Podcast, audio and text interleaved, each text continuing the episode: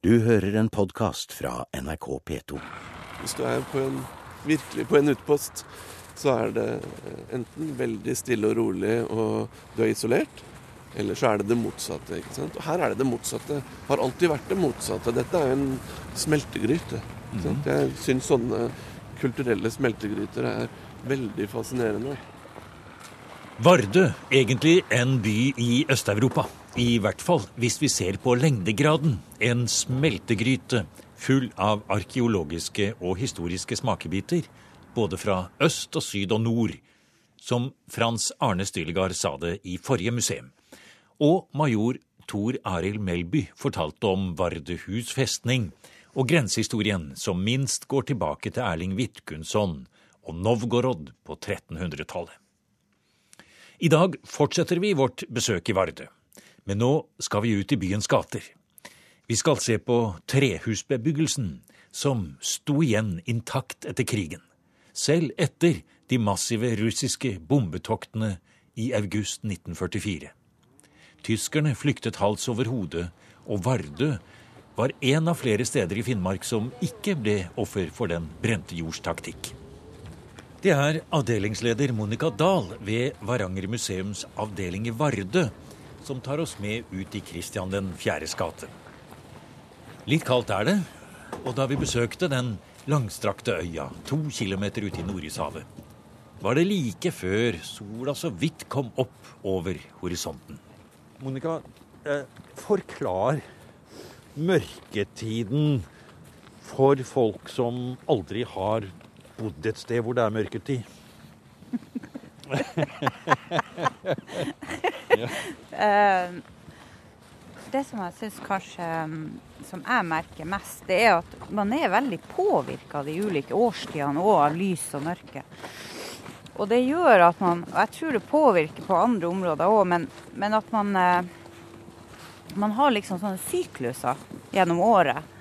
Og mørketida, da, da er det er jo mørkt, men det er jo ikke helt mørkt. Vi har et fantastisk lys her.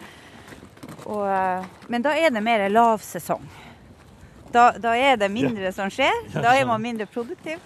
Eh, og så har du da sommerhalvåret hvor det er masse som skjer, og det kan være sol døgnet rundt. Så det er veldig sånn store kontraster eh, gjennom årstidene her. Og jeg merker jo det at jeg elsker å dra på tur med hundene over på landet og bare ha på hodet lagt og på en måte gå rundt omkring der. For det er en sånn nærhet til naturen som Og så er det såpass røft og åpent. Og som du sier, det er lys. Det er ikke altså, helt mørkt og svart. Og det var noe som ikke jeg var oppmerksom på før jeg hadde bodd borte en del år og kom tilbake. Før jeg kunne egentlig sette pris på de naturopplevelsene. For før det var liksom, ja, det var sånn det var. Så man trengte også å få litt andre perspektiver for å se hva som er spesielt. Og det er litt sånn typisk òg. Vi får eh, veldig mye fugleturister hit. og nå kommer de og kikker på de måsene igjen, liksom. Hva, hva er poenget? Så det er litt sånn, man må av og til bli fortalt, og man må oppleve andre ting for å se hvilke eh, verdier faktisk stedet har. Ingen andre steder i Finnmark kan man oppleve en så sammenhengende og helhetlig trehusbebyggelse fra før annen verdenskrig enn her i Austervågen i Vardø. Avdelingsleder Monica Dahl har gjennom Vardø museums forskjellige prosjekter, bl.a. i Vardø Restored, lenge arbeidet for at dette unike trehusmiljøet skal tas vare på, restaureres og bli en del av den nye stoltheten i Vardø. Og Monica Dahl kjenner hvert hus her langs Søndre Har Våg. det vært der da før? I det huset? Ja, det der huset har jo vært et butikklokale nede, og det har vært forskjellige typer butikker der. Men jeg husker jo den butikken godt fra når jeg var unge. Da var det en liten kolonialbutikk nede, og så bodde de oppe. Og så hadde de lager på baksida. Og det er jo litt spesielt med det der òg, for du har faktisk bakbygninga nå med en sånn passasje imellom som du går gjennom. Så det området vi er i nå, det er i Østevågen. Det var her den første bosettinga var i Vardø. Og her har man også et helhetlig område med også de eh, bygårdene som var vanlige i Vardø. Og vi står utafor en her nå Ja, som vi eh, går litt ut i gata her nå, Monica, så vi kan se den hele fasaden. Nå går vi midt ut i gata, må vi passe på litt her. Det er is på gata, det er blåser litt, og det er mørketid. Og så ser vi den flotte fasaden! Det var et flott hus. Ja, det er et fantastisk vakkert hus. Og det kaller vi for Husegården. Og det er en veldig flott fasade. Det kan minne om en type sveitserhusstil, nær sagt, uten denne snekkergleden og utsmykningen. Men vi ser det på vinduene, vi ser det på sentralstolpen eh, midt i bygningen, nær sagt, med to ganger to ganger to vinduer i tre etasjer opp og en fløy på hver side. Veldig fint. Nå går vi litt inn på siden her, for det er en bakke, og vi hører hvordan, de, hvordan det er glatt her, for det spinner med piggdekka opp her. Og vi sklir litt vi òg når vi går her bortover i gata. Hva heter denne gata i uh, Vardø? Ja, det her er Kristian Fjæres gate. Ja, selvfølgelig. Ja, ja. er veldig i gate. ja, det er jo, passer jo godt. Men det jeg ikke skjønner her, eh, Monica, når vi står her og vi skal snakke om trehusbebyggelsen, og vi skal snakke om uh, i det hele tatt de, Oi, vi går litt inn på siden her. Det er litt glatt her. Så kommer vi til et helt annet type hus som er rett og slett vegg i vegg. Ja. Det er ikke engang et trehus, og det er spikret foran vinduene med noen paller. Og det ligger slengt en port foran der. Her ser vi takstein sikkert, eller noe annet som ligger der. Det ser eh, ut som et hus som trenger fryktelig førstehjelp.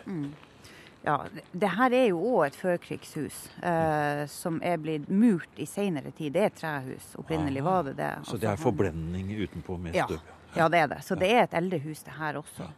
Um, årsaken til at det står sånn som det her, det er jo um, at det rett og slett er overflod av bygninger her. Altså Vardø har jo vært gjennom veldig tunge nedgangstider, særlig de siste ja, 20 eller 30 årene. Nå er Vardø inne i en veldig positiv utvikling, men du har eh, dessverre en del sånne her type bygder som, som står og eh, ikke er i bruk. Men jeg tror det som vi ser rundt her, det er et tegn på, på noe positivt som skjer. For de steinene som vi ser ligger her, de hører faktisk til gårdsrommet her til Og bak, ja. På baksiden, ja. Ja. For der har de eh, fått eh, midler til å sette i stand bakgården igjen. Så det de hører til der. Og De det samme gjør den porten der. Den hører Nettopp. egentlig til det Inn i bakgården, ja. portrommet. Skal vi gå inn og se? Vi går inn her. Nå går vi inn bak her og kikker. Kommer inn i det innelukkede portrommet bak her. Her går vi over. noen steder. Å, så er det et flott eh, portrom bak her. Oi, se her, ja. Her er det jo kjempefint eh, eh, restaurert. Eh, i deler av det. Og så er det deler av det som ikke er det. Ja. Eh, og så løfter vi blikket opp, Monica, og ser Mm. opp på stjernehimmelen. Akkurat når vi står her nå, i mørketiden. Det er eh, mørkt som i mørketiden. Allikevel så er det noe flott med denne stjernehimmelen over oss og dette gamle bakgårdsrommet her. Som kanskje bygningene går tilbake til Ja, hvor langt tilbake går det? Ja, den eldste delen er fra 1864, eh, som man har datert. Og så er det bygd eh, ut etter hvert. Og den her hovedbygninga da, den var i sånn høvelig god stand når de her nye eierne overtok. Men det som vi ser her, som vi kaller for Russehotellet, der var det veldig omfattende eh, råteskader. Det hadde vært en brann nå i en liten del av det bygget òg. Men der har de da restaurert fasadene, og så er det egentlig nytt alt inne. Men der er laga leiligheter nå. Ja. Og det som vi ser der som, eh, ser, eh, som er i litt dårligere stand, det er jo stallen. Så der hadde man, eh, eh, hadde man dyrene. Og ja, de hadde ikke bare hester, men de hadde jo kyr. Og, og så eh, var det lagerrom der.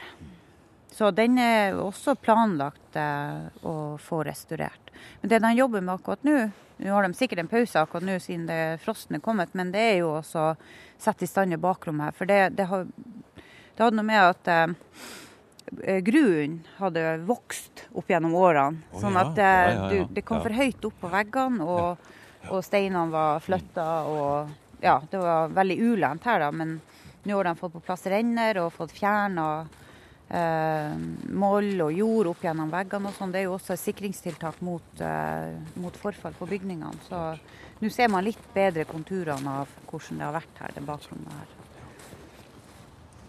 Det er Monica Dahl og Frans Arne Hedlund Stillegard som tar oss med rundt i den unike trehusbebyggelsen i Vardø. Unik fordi det ikke er noe annet sted i Finnmark man kan gå langs hele bygater med et samlet trehusmiljø som er mye eldre enn mellomkrigstiden. Noen av husene er bygget på 1800-tallet. Og kanskje er det også enda eldre spor når man først begynner å lete. Som Monica sa, så, vi i, så er vi i den delen av, av den eldste delen av Vardø. Vi står på en middelaldersk bygrunn. En freda middelaldersk bygrunn, til og med. Og i tillegg til en sånn nokså tett eh, Kall det bymessig bebyggelse i middelalderen. Tjukke kulturlag inntil ja, jeg har hørt seks meter, som, som har vært eh, dokumentert. Eh, her lå det også en kirke, en middelalderkirke. Og vi står på kirkegården akkurat nå. Ah, hva er det å si? Mm. Så de, det har jo faktisk kommet opp beinrester her. Eh, eh, litt sånn eh, lårbein og litt sånn. Så det har vært arkeologer her også da, for ja. å sett på det. Så denne middelaldergrunnen her, Frans Arne, den er fra 1300-tallet da antagelig, eller? Ja, det er et godt spørsmål som eh, jeg tror ikke noen kan gi deg et uh, fullgodt svar på. Jeg kan slett ikke. Det var det har vært gjort undersøkelser her først og fremst på 50-tallet. Altså, dette eh, Østervågen ble i liten grad utsatt for eh, bombing under andre verdenskrig. Men noen bombekratere fantes det, og de, det var en ganske stor oppryddingsjobb å gjøre i 45 og framover. Og da var det mye gravearbeider i den forbindelse. Og da begynte det jo å komme arkeologiske gjenstander for dagen. Og, og, Tromsø museum var her i flere omganger eh, fram til eh, bortimot 1960 og, og, gjorde veldig små, men la oss kalle det punktundersøkelser, da, i, i denne middelalderske bygrunnen. Og det er ingenting av det som er funnet som er som ser ut til å gå forut for la oss si 1400. Men eh, det er helt klart middelaldermateriale og 1400-tallsmateriale i ganske stort omfang av det som, som, er et resultat av de ganske små undersøkelsene. Men man har aldri gått spesielt dypt, f.eks. Man har ikke vært i nærheten av å gå inn i de fem-seks meterne og grave de til bunns. Så hvor langt tilbake det kan gå, vi vet ikke. Det er akkurat som spørsmålet om festningen og når ble den egentlig anlagt. Ja, hvem veit. Eh, det er kaldt, dere. Vi går litt videre for å holde varmen. Det er veldig interessant å tenke på, Monica, at her går vi nå ut av en gammel middelalderkirkegårdsgrunn. Førreformatorisk. Og med en gang vi svinger ut i Kristian 4.s gate her i Vardø, og kommer ut i nåtiden igjen, så ser vi jo Vi har snakket om inntil denne fint restaurerte huset, så er det et hus som i hvert fall ikke er restaurert, og som ser ut som krigen fortsatt pågår, han nær sagt. Men går vi videre nedover i gata her, så ser vi en variert trehusbebyggelse. Og eh, fortell litt om det at ikke alt er brent i Vardø. For det er jo en, skal vi si, opplest og vedtatt sannhet kanskje for mange, at i Nord-Norge så brant tyskerne ned alt når de trakk seg tilbake. Men altså ikke overalt. Nei, altså her eh, vest for Tana, her i Øst-Finnmark, så, så, rakk jo ikke tyskerne å, å, sette i gang den brente jords taktikk før de trakk seg tilbake over Tanabrua. Men det har jo vært massive bombinger i de her områdene. Og eh, det er klart at mye av bebyggelsen ble jo skada, og det oppsto jo branner som følge av bombingene. Men vi hadde flere hundre bygninger her etter krigen. Eh, mange av dem står fortsatt, men mye har jo også da blitt drevet i etterkrigsårene òg, da. Ja. Flere hundre hus? Ja. Eh, det er noen sel. Ja. ja. da, og det, vi ser jo det området som vi har valgt å vise deg nå. Og det er jo en grunn til, for her har man også helhetlig miljø. For nå er det hovedsakelig der det var helt utbomba, det var i sentrumsområdet. Eh, men på begge sidene av sentrum så hadde man hele områder som ikke eh, hadde skader, og det var kanskje enkelthus som var forsvunnet da. Så her har man en, en, rekke bygninger. Og mange er kanskje ikke så lett kjennbare, fordi at man har jo pussa opp og man har gjort endringer opp gjennom årene òg. Så noen av de bygningene som vi kanskje ikke tror er også er, er, er, kan òg være det. Ja, mange av dem er det. Men det, nå peker vi litt nedover. Nå se, å, se på det huset på motsatt hjørne der. Det ser jo ut som det er fra godt før Der- vil jeg tippe type 1900, nesten. Ja. Og det som er flott med det bygget der, det er jo også at interiøret er i veldig stor grad bevart. Så det var butikklokalet nede. Man ser jo at du har inngangsdør på hjørnet. Og eh, den dag i dag der så bruker de å ha om somrene så har de sånn antikvitetsutsalg, og der står diskene. Eh, de originale diskene der fortsatt. Så det er jo noe som kanskje er litt mer uvanlig, at man også har interiøret intakt. Men det er jo noen bygninger som har det. Men det har jo noe med boligpriser å gjøre. at eh, Skal du gå i gang med et større restaureringsprosjekt, så er det klart det koster. Og Ja, du, du får nettopp. ikke nødvendigvis pengene igjen. Nei, og hvis du stopper her litt nå og ser litt over tilbake i gaten som vi har gått i her, så ser vi nå er det et relativt tomt hus der, et tomt hus til, et hus hvor det er noen ni, og så et tomt hus, og så en ruin av et hus, og så et veldig flott oppusset hus. Ja, så, altså det er jo sånn at på ja, 1960-tallet så bodde det jo over dobbelt så mange her i Vardø. Det var jo befolkninga på over 4000. Nå er vi rett i overkant av 2000. Og vi har faktisk hatt en liten befolkningsøkning. Jeg lurer på om det var åtte stykker her et år. Men det er på en måte en del av en litt sånn positiv trend, da. Så bra. Det kan jo være kanskje bl.a. fordi at flere og flere av husene begynner å få nytt liv. Men se her, eh, Monica. Nå kommer vi frem til et hus som man nesten skulle tro var en filmkulisse. Det er spikret igjen og har denne røde farven. Det er litt skjeve vinduer. Og det er samtidig et av de eldste husene kanskje i gata. Ja. Eh, nå er det jo sånn at som Frans Arne har jo, er jo nå i startfasen med sånn eh, Dendro-prosjekt med å prøve å få kartlagt litt eh, og tatt prøver for å få god dokumentasjon. Så, men ifølge skriftlige kilder så tror vi jo at det her er en av byens eldste bolighus. Eh, som vi kaller for Runtigården. Eh, og Runti, det var jo, de er jo, eh, var finske innvandrere, den familien. Og de hadde også et bakeri her. og det, det var jo veldig en litt spesiell historie med dem, for de var også den som tok seg av litt sånn byens løse fugler. Og ladde dem få overnatte og ga dem mat. Og, Så det, det har en veldig spesiell historie, det, det bygget her. Så vi, La oss gå litt over akkurat den lille åpne plassen. Nå, her tar vi den litt, ja. Vi kommer inn i Branntakster, folketellinger og andre kilder peker mot at 1860-årene, og i en 50-års tid framover, var en gullalder for Vardø. Pomorhandel og fiske og stor tilflytting. Mange hus ble bygd, eller kanskje påbygd, og kanskje brukte man bygningsdeler fra hus som var mye eldre. Dette er ting som Frans Arne Stylegard vil forske videre på, ikke minst ved hjelp av moderne metoder for å datere bygningstømmer, ved hjelp av åringskurver. Og så er det jo hele den tiden som går forut for 1800- og 1700-tallet. Hvordan så det ut i fiskeværet på Vardø da? Jeg tror alt før 1800, som jeg, som jeg kjenner til, beskriver værbebyggelsen her ikke som tømmerhus, men som gammer. Sant? Og det er jo ikke unaturlig. Det er en ganske klok måte å organisere seg på. Du kjenner jo Vinden tar godt her, Ja, gjør det. og det kan bli kaldt. Ja. Eh, og antagelig så var det stor grad av det som ble kalt for nordmannsgammer, som er enkle tømmerhus, da, men som er delvis gravd inn i bakken, og som har, og som har torv på vegger og tak, og bare en liten dør som du kan gå inn. Så det, så, og, og de som beskriver dette, er jo ikke veldig opptatt av byggeskikk, de er opptatt av hvor primitivt og eksotisk dette er. ikke sant?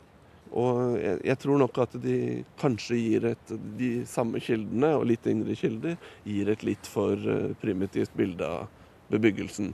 Og at vi kanskje finner tømmer, eh, deler av tømmerhuset her fra ja, 1700-tallet, tror jeg. Kan ikke tenke meg noe annet enn at vi gjør det. Og selv om Tromsø museum og den legendariske Paul Simonsen gjorde en del arkeologiske utgravninger i Vardø like etter krigen, og bl.a. fant spor etter Slottet, som den aller eldste festningen ble kalt, så har Frans Arne Stylegard god lyst til å rulle ut en georadar og gjøre nye undersøkelser. for å komme nærmere på sporet av middelalderens Vardø. Dagens uh, Vardøhusfestning er gammel, men den er da tross alt ikke eldre enn fra 1738. Før det så lå den her nede ved som kalles Søndre Våg i Gjestevågen. Og hvor lenge den har ligget her, vi veit ikke. Um, den kan ha ligget her fra begynnelsen av. En egen diskusjon når det er, men la oss si begynnelsen av 1300-tallet i hvert fall. Uh, den kan ha blitt flytta hit på et tidspunkt fra et annet sted på øya. Kanskje høyere lende. Det veit vi rett og slett ikke. Men, men uh, vi har gode oppmålingstegninger relativt sett fra tidlig 1700-tall. Det var ikke en spesielt stor festning, men du ville ha kjent det igjen som en festning. Litt på, når du kom inn, litt som dagens Vardøhus. Liten og tett. Mange bygninger. Og, og, helt nede til Vågen her, egentlig bare kanskje 20-30 meter fra, fra vannkanten her. Veldig, veldig nærme strandkanten. Og, og den ja, der er litt av strand. Det er faktisk en liten sandstrand. Ja, Kan det være aktuelt at man kan ha dratt båter opp der, altså fra den tiden? Ja, ja, det har man. Og den, den lille stranda, og egentlig den fjellformasjonen som strekker seg ut som, et, som, natur, som naturlige vorrer, da, ikke sant? nesten ja. som en stø. Ja. Kjerringræva heter den for sikkerhets skyld. Ja, ikke så. Eh, ja, der, har man, der har man selvsagt dratt eh, ja. båter opp. Og dette har nok vært eh, før, uh, før, tunnelbygging og før uh, diverse økonomiske endringer, så har dette vært en ganske viktig havn ikke sant? for byen og for været. Man kan finne eh, fundamentene til bygningene som sto inne i festningen, eller inne i slottet. Man kan finne, eh, man kan finne spor etter eh, murene. Og vi vet at de er her, fordi Pål Simonsen og andre på, fra 45 og framover, de, de påviste både både, både, to og tre og fire nivåer med brolagte gater. Og de fant, altså trebrolegginger, da. Man kan ikke ha altså, Tenk deg å ha en, en, en liten øy i ishavet med en middelalderfestning. Og så kan jeg ikke si den ligger Der er den! Du må jo for Kanskje han er der, eller kanskje han er der. Men vi er ja. veldig, veldig close. Men det er klart vi må finne ut det følgesiden. siden. Skulle bare mangle. Og her er det også helt moderne ting. La oss stoppe her i bakken i Blåsten bare et lite øyeblikk. Og det er en kjempegraffiti over eh, en hel vegg. Mm. Eh, en mann med en fuglenebbansiktaktig. Hva er det for noe, Monica? Ja, det her det er hovedverket til kunstneren Pøbel. Eh, han eh, arrangerte en stor festival her i Vardø, en streetartfestival her i 2012. Hvor det kom elleve verdenskjente streetartartister og fikk frie tøyler. Og det her er da hovedverket hans. Og når du sier fuglemaske, så er det litt interessant, for det er egentlig de pestmaske eh, de har på ah. seg, de der. Det er en far og en sønn. La oss gå litt, eh, litt, nærmere bort og se, for det her blir mer og mer interessant. Vi går ut av veien, litt over snøen her, og opp på noen forblåste gresstuster foran Pøbels store verk. Og her kommer det tydelig frem. Bakgrunnen var at han kom hit til Vardø, Pøbel, og så ser han alle de tomme husene som står rundt i byen, og de mange flotte husene. Og så tenker han at oi, her kan man gjøre noe, her kan man gjøre noe med litt dypere mening. Så intensjonen hans med dette prosjektet det var at man skulle få opp øynene igjen for den bygningsarven man har, og også føle mer stolthet over uh, de mange flotte bygningene som vi har her i Vardø. Og ikke bare se på det som litt sånn gammel rask som man burde ha revet, men prøve å se verdien i det. Det er egentlig en sånn kortsiktig eh, bit her, da, som tanken var at han ville at folk skulle da ta i bruk husene igjen og restaurere dem og male over de her kunstverkene. Så det er en litt sånn kortsiktig måte å jobbe på, men vi ser jo at det har hatt veldig stor effekt. Eh, folk er veldig stolt over det. og eh, eh viser det frem. Eh, det blir en sånn turistattraksjon og en snakkis her. Og det, det, har rett og slett resultert i at man ser litt annerledes på, på de bygningene man har. Er det sånn at eh, stoltheten holdt jeg på å si, vender litt tilbake? Har det vært nede i en down-periode, det er feelingen for å bo og leve og være her? Men kanskje ser du også fra med utsiktspunkt på museet her, at det er litt oppgang igjen? Ja, jeg, jeg vil jo si absolutt det. Jeg husker jo for en sånn ti år tilbake, så ble det jo nesten sånn at man fikk spørsmål om hvorfor eh, har ikke du kommet deg bort fra Vardø? Hva som er galt med deg? Det var litt sånn holdning. Og sånn er det absolutt ikke lenger. Og man ser jo det at sånn, boligprisene har steget, det er mer arbeid. Og de der tunge nedgangstidene, den føler vi er over. Og så er vardøværingene blitt veldig bevisst på det òg, syns jeg. At vi skal være positive nå, og vi skal snakke positivt om hverandre og på en måte trekke i lag. Og det har jo også vært litt det at når det er dårlige tider, så blir man veldig pessimistisk. Og det gjør det kanskje enda dårligere. Så jeg syns jo det at nå drar man litt i samme retning. Så det er veldig positivt. Og jeg tror jo det her med at man også restaurerer og tar i bruk de bygningene også som har stått litt sånn skampletter, eh, er med på den, eh, den endringa. Du har nå hørt en podkast av programmet Museum fra NRK P2. Og send gjerne en e-post til museum krøllalfa nrk.no.